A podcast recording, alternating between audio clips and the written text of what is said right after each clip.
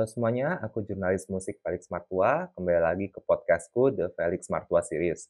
Di segmen Felix Review ini, aku akan mengulas beberapa karya musik terbaru dari musisi Indonesia. Nah, di sini aku akan memberikan ulasan yang berimbang, dalam artian aku akan mengungkapkan apa yang menurut aku menjadi kelebihan dari masing-masing karya, sekaligus apa yang menurut aku menjadi room for improvement bagi para musisi ini untuk karya mereka ke depannya. Bila ada poin-poin aku yang mungkin bikin kalian setuju atau kurang setuju, Silahkan kalian share pendapat kalian di comment section di bawah. Oke, untuk episode yang satu ini, ada lima karya musik yang akan aku ulas. Yang pertama adalah lagu terbaru Oslo Ibrahim yang bertajuk Oslo. Karya kedua adalah album terbarunya Aditya Sofyan yang bertajuk Stubborn Heart. Yang ketiga adalah lagu terbarunya Tiara Andini yang bertajuk Tega. Yang keempat adalah mini album terbarunya Mirabeth yang bertajuk AB. Dan yang kelima adalah album panjang terbaru Alien Child yang bertajuk Rocket. Mari kita langsung ke ulasan pertama. Baiklah, materi pertama yang akan aku ulas di episode ini adalah lagu terbarunya Oslo Ibrahim yang bertajuk Oslo. Di sini aku lihat lagunya berdurasi 3 menit 30 detik, ditulis penuhnya oleh Oslo Ibrahim dan diproduseri oleh Coki Bollemeyer. Aku udah dengar keseluruhan lagu ini dan pertama aku apresiasi Lagu Oslo ini bisa dibilang adalah lagu pertama Oslo Ibrahim yang berbahasa Indonesia. Aku paham betul tidak semua musisi di luar sana, apalagi musisi independen ya, yang nyaman membawakan materi bahasa Indonesia. Jadi di sini aku melihat Oslo Ibrahim tidak hanya keluar dari zona nyamannya, tapi juga memperluas zona nyamannya. Membuktikan bahwa dia bisa menjadi musisi bilingual. Untuk itu aku sangat appreciate, aku sangat respect. Dan yang kedua adalah bisa dibilang lagu Oslo ini adalah lagu dia yang paling autobiografikal, karena di sini dia bercerita tentang siapa diri dia, mengenai karakter dan etos kerja dia sebagai seorang musisi, dan aku paham topik yang cukup deep dan kompleks seperti itu tidak mudah untuk dikemas dalam bentuk lagu berdurasi 3 menit 30 detik. Dan aku bilang dia cukup berhasil untuk menaklukkan tantangan yang satu itu. Dan yang ketiga adalah meskipun lagu ini berbahasa Indonesia, tetap DNA alternatif pop yang membesarkan Oslo Ibrahim sangat kental di lagu Oslo ini. Jadi aku rasa para penggemar setia dia tidak perlu khawatir sekiranya dia ganti bahasa, oh itu artinya dia malah jadi pop mainstream atau semacamnya. Tidak, ini masih Oslo Ibrahim yang kita kenal selama ini. Terlepas dari itu, aku harus bilang lagu Oslo ini ibaratnya kayak dua langkah ke depan tapi satu langkah ke belakang. Kenapa? Karena oke, okay, aku apresiasi dia mencoba menggarap lagu orisinil dalam bentuk bahasa Indonesia. Tapi sayangnya dari segi production uh, tidak ada yang unexpected di sini, tidak ada surprise di sini. Dari segi vokal juga terkesan bahwa Oslo Ibrahim masih holding back mungkin dia masih agak ngeri-ngeri sedap ya mengenai membawakan materi bahasa Indonesia sehingga dia tidak terlalu memikirkan mengenai elemen-elemen lainnya, which is rasanya agak miss opportunity sih. Aku sih melihat kalau kamu mau mencoba sesuatu yang baru, just go for it. Gak usah terlalu takut-takut. Dan yang kedua adalah sebenarnya sejak uh, dua mini album dia yang lalu ya, aku mulai notice ada satu kebiasaan yang kurang baik mengenai Oslo Ibrahim. Apa itu?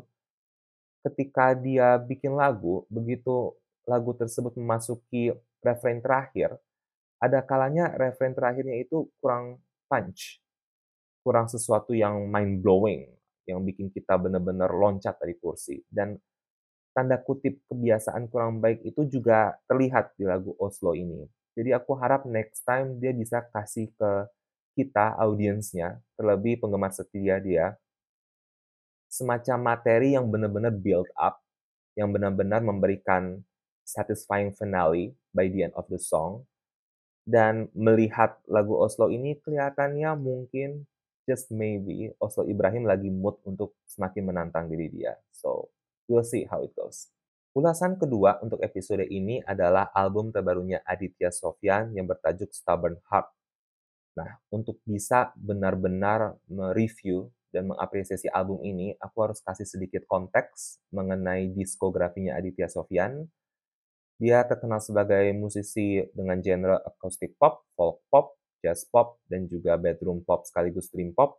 Dan kalau kita hitung semua mini album dia sejauh ini dan juga album live dia dan album Stubborn Heart ini, album terbaru dia ini adalah album dia yang ke-12, which is suatu prestasi yang masih amat sangat langka di skena musik Indonesia.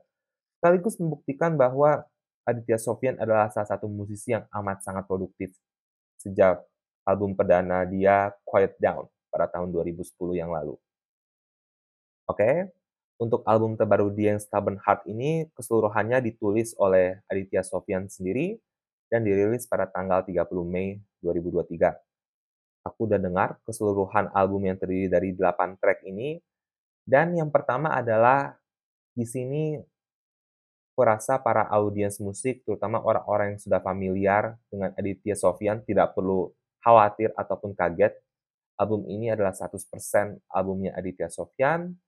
This album is basically about everything we love about Aditya Sofyan as a musician, as a songwriter, as an artist. Dan aku rasa kalau aku harus pilih satu kata adjektif untuk merangkum keseluruhan album ini adalah aku menilai Stubborn Heart ini adalah album dia yang paling tanda kutip feel good. Albumnya sangat chill vibe banget dan aku rasa semua orang baik itu fans setia maupun yang non fans akan bisa menikmati keseluruhan album ini. Very cozy, very dreamy, dan dari keseluruhan track yang mengisi album ini, aku memilih lagu Canggu Januari 2020 sebagai lagu terbaik sekaligus terkuat di album ini karena lagu ini benar-benar men-showcase apa yang membuat Aditya Sofyan stand out. His ability to make cozy music, to kind of hypnotize the audience with his artistry, and it's almost seductive. Aku juga harus kasih peringkat runner-up ke lagu Clingy Boy, apalagi melihat dia menggunakan the F word dengan cukup cerdas, dengan cukup lihai, dan aku rasa itu bisa jadi pelajaran juga bagi para musisi di luar sana yang pengen menggunakan explicit language di lagu mereka. Terlepas dari itu, aku tadi bilang bahwa album ini 100% Aditya Sofyan yang men-showcase kekuatan dia, sekaligus sayangnya kekurangan dia. Aku melihat album ini tidak uh, mengobati apa yang menjadi kelemahan Aditya Sofyan sepanjang 10 tahun terakhir, which is oke okay, ada kalanya dia bisa menciptakan cozy atmosphere and dreamy vibe, tapi ada kalanya atmosfer yang dia ciptakan dari materi dia malah terkesan sleepy, alias bikin ngantuk. Aku punya keyakinan kalau misalnya ada orang berpendapat, uh suara kamu itu kayak lullaby banget, materi kamu itu kayak meninda bobokan banget. Aku merasa itu bukan pujian, karena musik itu seharusnya benar-benar mengcapture perhatian kita, menyedot konsentrasi kita, dan memukau kita. Dan ketika materi tidak berhasil dalam memukau hati dan perhatian audiensnya, aku merasa di situlah uh, sang musisi harus introspeksi dan coba ngulik apa yang bisa diperbaiki untuk materi dia ke depannya. Aku menilai kelemahan dari album ini sangat terlihat di lagu dia yang bertajuk Miss Busy sama Age of Hindia karena dua lagu ini seolah-olah mendapati Aditya Sofyan lebih kayak ngejam as opposed to melahirkan materi yang benar-benar proper dan well thought out. Bahkan di akhir lagu kesannya dia kayak running in circles. Jadi aku harap next time Aditya Sofyan bisa melahirkan materi yang lebih ambisius lagi.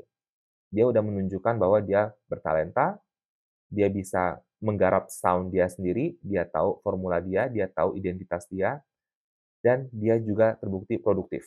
Dia bukan musisi yang malas dan gampang take a break. Sekarang tinggal elemen ambisinya aja sih. Personally, aku sangat suka musisi yang sangat ambisius. Nah, karya ketiga yang akan aku ulas di episode ini adalah lagu terbarunya Tiara Andini yang bertajuk Tega. Aku sendiri juga cukup terkejut mengetahui Tiara Andini mengeluarkan lagu baru. Kenapa? Karena aku lihat Instagramnya, dia mengumumkan lagu ini hanya beberapa jam sebelum lagu Tega ini kemudian rilis di digital streaming platform. Aku coba cek song kreditnya, lagu Tega ini berdurasi 4 menit 35 detik dan ditulis oleh Tiara Andini sendiri bersama dengan Anmesh Kamaleng. Selain sebagai seorang musisi pop, Unmesh Kamalin juga adalah songwriter yang bertanggung jawab atas lagu solonya Tiara Andini tahun lalu yang bertajuk Usai. Lagu itu juga masih nongkrong di tangga lagu sampai sekarang.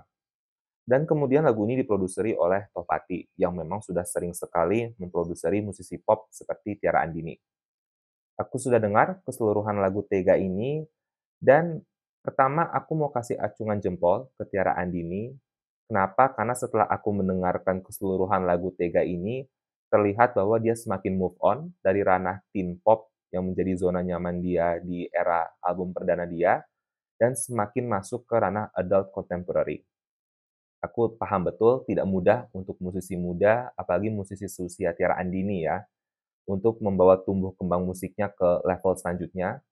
Lebih seringnya musisi muda seperti dia terjebak di zona nyaman terlalu lama, jadi aku apresiasi bahwa semakin ke sini dia semakin menghembuskan kedewasaan, baik dalam vokalnya, produksi musiknya, dan pelirikannya. Yang kedua adalah aku juga apresiasi kali ini mungkin untuk pertama kalinya setelah sekian lama dia mengeluarkan sisi vokal dia yang lebih dinamis sekaligus lebih powerful. Aku udah lama nggak melihat momen vokal dia tersebut. Mungkin terakhir kali adalah waktu dia masih bersepak terjang ria di panggung idol beberapa tahun yang lalu. Jadi aku merasa ini adalah sesuatu yang segar dari Tiara Andini dan aku harap dia mempertahankan momentum vokal tersebut ya. Lalu kemudian aku juga melihat ada semacam tanda kutip continuity. Ketika aku coba tilik lirik lagu Tega ini dan keseluruhan vibe dan atmosfernya, seolah-olah lagu Tega ini menjadi antitesis dari lagu dia dari album perdana dia yang bertajuk Janji Setia. Dan aku paham betul banyak audiens musik dan netizen di sana bakal memiliki teori mereka sendiri mengenai apa maksud dari lagu ini, mengapa lagu ini kemudian dirilis secara mendadak, dan aku juga tidak bisa menyangkal bahwa ada kesan yang amat sangat personal dari lagu ini dan aku tidak akan bicara banyak mengenai konten lagu ini. Aku harap teman-teman di luar sana bisa mendengarkan secara langsung agar kalian paham maksudku apa. Aku tidak tahu apakah memang ini adalah bentuk ekspresi yang amat sangat personal dari Tiara Andini atau mungkin ini adalah bagian dari taktik marketing aja untuk menjadikan lagu Tega ini sebagai antitesis dari Janji Setia. Tapi satu hal yang pasti, aku melihat ada potensi yang besar untuk lagu Tega ini untuk kembali mendominasi tanggal lagu musik mainstream, entah itu di radio atau di streaming platform. Aku melihat lagu Tega ini adalah satu lagi potential hit di sakunya Tiara Andini, dan semakin menegaskan bahwa Tiara Andini punya telinga dan insting dalam tanda kutip memilih musik mana yang bisa menjadi her next big hit. Dan ya terlihat sekali ya, ada creative chemistry antara Tiara Andini sang vokalis dan Unmesh sebagai songwriter. Mungkin bakal banyak lagi kolaborasi mereka ke depannya, sama halnya dengan chemistry antara Tiara Andini dan Yofi Widianto, so we'll see. Terlepas dari itu, aku memang melihat ada beberapa kekurangan dari materi ini. Pertama, aku merasa orang-orang baru bisa memberikan apresiasi penuh untuk lagu Tega ini setelah mereka mendengarkan lagu Janji Setia. Karena sekali lagi, aku merasakan there's a sense of continuity between those two songs itu artinya bila orang-orang tidak terlalu familiar dengan lagu Janji Setia, mungkin mereka bakal memandang balada ini dengan uh, setengah mata. Sorry to say. Lalu yang kedua adalah kembali lagi kita masih di era di mana balada itu terlalu banyak dari segi kuantitas memang amat sangat banyak. Jadi mungkin Tega ini bisa menciptakan impact di tanggal lagu, tapi apakah impact tersebut bakal berlangsung lama, apalagi melihat terlihat sekali band-band mulai naik, musik R&B kembali naik. Kita lihat seperti apa longevity dari lagu yang satu ini. Terlepas dari itu, aku percaya diri bahwa kita memang memasuki era terbarunya Tiara Andini. Mudah-mudahan album kedua tidak perlu kita tunggu terlalu lama. Dan aku harap Tiara Andini lebih rajin lagi menunjukkan versatilitas dia baik itu sebagai seorang vokalis maupun sebagai musisi pop. Sekali lagi banyak sekali uh, suara pop yang bisa dieksplor oleh seorang musisi dan we'll see seperti apa yang akan dibawa Tiara Andini ke depannya. Ulasan keempat untuk episode ini adalah mini album perdana Mirabeth yang bertajuk AB. Mungkin kebanyakan orang mengenal Mirabeth dari sepak terjang dia di acara kompetisi Indonesian Idol beberapa tahun yang lalu. Tapi aku menilai no disrespect buat Indonesian Idol, tapi aku rasa audiens musik sebaiknya melupakan apa yang mereka kira mereka tahu mengenai Mirabeth dan mendengarkan mini album ini dengan pikiran yang terbuka dan mata tertutup. Kenapa? Karena mini album ini aku nilai sangat eksepsional dan cukup luar biasa. Dan aku sendiri terkejut dengan keluar biasaan dari mini album ini. Mini album ini pertama kali dirilis pada tanggal 26 Mei 2023 dan tersusun dari 5 track. Kelima track ini sepenuhnya ditulis oleh artisnya sendiri, which is Mirabeth. Sekarang aku mau jelaskan dulu kenapa menurutku mini album ini cukup luar biasa. Karena di sini Mirabeth benar-benar menunjukkan identitas dia dalam artian dia tidak mengikuti formula pop yang ada. Bahkan dia malah mengambil elemen musik country, elemen musik bluegrass, elemen musik Americana. Kalau boleh aku ibaratkan, mini album ini itu kayak brainchild antara Iwan Fals dan Alison Cross, kalau kalian kenal dan aku sangat blown away. Kalau boleh aku share sedikit, um, aku coba dengar mini album ini di mobil dan saking terkejutnya aku dengan sound yang dipilih Mirabeth dan production yang diterapkan kelima track ini, aku sampai repeat mini album ini tiga kali secara berturut-turut sehingga akhirnya aku percaya bahwa wow ternyata talenta seperti Mirabeth ini bisa melahirkan materi seperti ini. Dan aku rasa aku benar-benar kayak dari lima track ini mungkin lagu Please Don't Say You Can't Live Without Me adalah lagu yang paling radio friendly. Tapi aku menilai justru lagu terbaik dia adalah Little Girl karena di situ dia menunjukkan seluruh referensi unik dia, dia menunjukkan gaya bercerita dia yang memang lain daripada yang lain. Dia juga nge-showcase kemampuan vokal dia, seolah-olah lagu Little Girl ini benar-benar menjadi introduction dia yang paling sah kalau kita coba uh, lupakan sejenak lagu-lagu dia sebelumnya. Aku benar-benar salut dengan creative risk dan juga uh, emotional risk yang ditampilkan oleh Mirabeth lewat mini album ini. Dan aku juga harus kasih kudos, dua acungan jempol untuk dua sosok yang memproduseri mini album ini, which is Mirabeth sendiri dan Henrico Christiansen, karena kalau bukan karena productionnya yang benar-benar lain daripada yang lain dan sangat unusual dan sangat grassrooted, aku merasa mini album ini akan tenggelam bila dibandingkan dengan materi-materi baru di luar sana. Jadi uh, untuk Mirabeth, secara pribadi aku pengen bilang welcome to the music industry dan aku excited dengan apa yang menjadi sepak terjangmu berikutnya sebagai seorang musisi profesional. Terlepas dari itu, aku memang punya beberapa notes untuk materi baru kamu ini.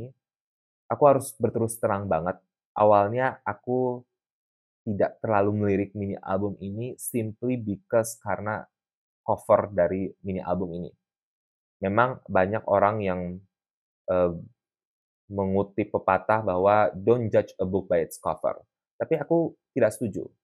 Kenapa? Karena khusus untuk konteks sebuah karya musik, yang namanya cover artwork itu ada untuk membuat audiens musik, apalagi orang-orang yang tidak terlalu kenal artisnya, tertarik dan melihat isinya seperti apa. Ketika aku pertama kali melihat cover artwork ini, aku benar-benar mengira, oke, okay, ini mini album pop. Kalau mau agak saya kiri dikit, paling-paling dream pop atau bedroom pop atau folk pop. Jadi kesimpulannya aku melihat ada ketidaksinambungan antara sampul albumnya dan konten dari mini album tersebut. Dan kemudian aku juga melihat sedikit uh, video klip yang sudah dirilis Mirabeth, utamanya video klip menari sendiri dan kembali lagi ya, it's all about visual presentation dan aku merasa uh, janganlah menampilkan visual presentation yang bila kita ditilik lebih dalam lagi tidak kongruen dengan semangat dan keliaran dari materi musik tersebut. Aku melihat kamu udah sangat berani dari segi penggarapan musik kamu dan aku harap kamu bisa lebih berani lagi terkait visual presentation dari materi dan karya kamu. Sekali lagi, di era sekarang ini, karya musik sudah dianggap sebagai materi audio visual, tidak lagi materi audio. Jadi aku harap kamu bisa lebih ngasih proper attention di bagian visualnya. Tapi other than that, aku benar-benar menyarankan semua orang untuk check out mini album ini. Aku rasa kalian bakal sangat surprise. Karya kelima sekaligus karya terakhir yang akan aku ulas di episode ini adalah album panjang terbarunya Alien Child yang bertajuk Rocket. Aku kasih sedikit konteks dulu, apalagi buat teman-teman di luar sana yang mungkin masih belum familiar mengenai Alien Child. Alien Child itu adalah duo yang berasal dari Bali dan notabene-nya karya musik mereka beraliran dance pop. Album Rocket ini adalah album panjang kedua mereka setelah album panjang perdana mereka Take Off yang dirilis pada tahun 2018. Jadi jangan salah, mereka udah berkecimpung cukup lama di skena musik tanah air. Oke, kayaknya untuk mengulas materi yang satu ini aku harus mulai dari poin negatifnya dulu. Um, pertama, uh, album ini sayangnya punya tanda kutip um, penyakit yang sama dengan mini albumnya Mirabet yang baru aja aku ulas, which is sampul albumnya yang sesungguhnya setidaknya menurutku ya uh, tidak merefleksikan semangat dan Gelora yang menjadi konten dari keseluruhan album ini. Dan aku harap teman-teman di luar sana bisa mendengarkan album ini dengan pikiran terbuka dan sekali lagi dengan mata tertutup. Oke, sekarang aku juga mau menekankan bahwa meskipun materi ini belaran dance pop, kembali lagi, aku paham genre ini masih belum terlalu populer di skena musik kita, dan aku juga melihat album ini belum tentu akan membangkitkan popularitas genre tersebut ke skena mainstream. Terlepas dari itu, kalian coba dulu dengar keseluruhan album ini. Kenapa? Sekarang aku move on ke poin positifnya. Album ini sangat syarat akan semangat girl power, which is sebuah tema yang masih amat sangat langka di skena musik ini. Dan aku juga sangat suka dengan betapa candidnya mereka dalam menyuarakan semangat female empowerment tersebut. Dan aku harap ini bisa menjadi contoh juga bagi para musisi kaum hawa di luar sana yang mungkin mulai bosan untuk membawakan tema-tema romansa di materi mereka. Aku rasa in this day and age, tema female empowerment itu semakin relevan dan semakin sangat dibutuhkan, apalagi bagi audiens yang notabene-nya adalah generasi muda. Dari keseluruhan album ini, aku justru memilih dua lagu sebagai karya mereka yang paling kuat. Pertama adalah ICU. Kenapa? Karena di sini mereka menghadirkan production yang sangat unik. Ini bukan kayak klise dance pop ala-ala musik era 2000-an, tidak. Di sini mereka ngasih sentuhan-sentuhan yang lebih lembut, yang lebih gentle, dan wordplay yang menurutku bakal menarik bagi orang-orang yang sangat uh, terobsesi dengan gaya pelirikan seorang musisi. Aku suka banget dengan wordplay yang ada di lagu ICU ini. Dan juga lagu nomor 7 which is Super Power. Kembali lagi ke tema girl power ini.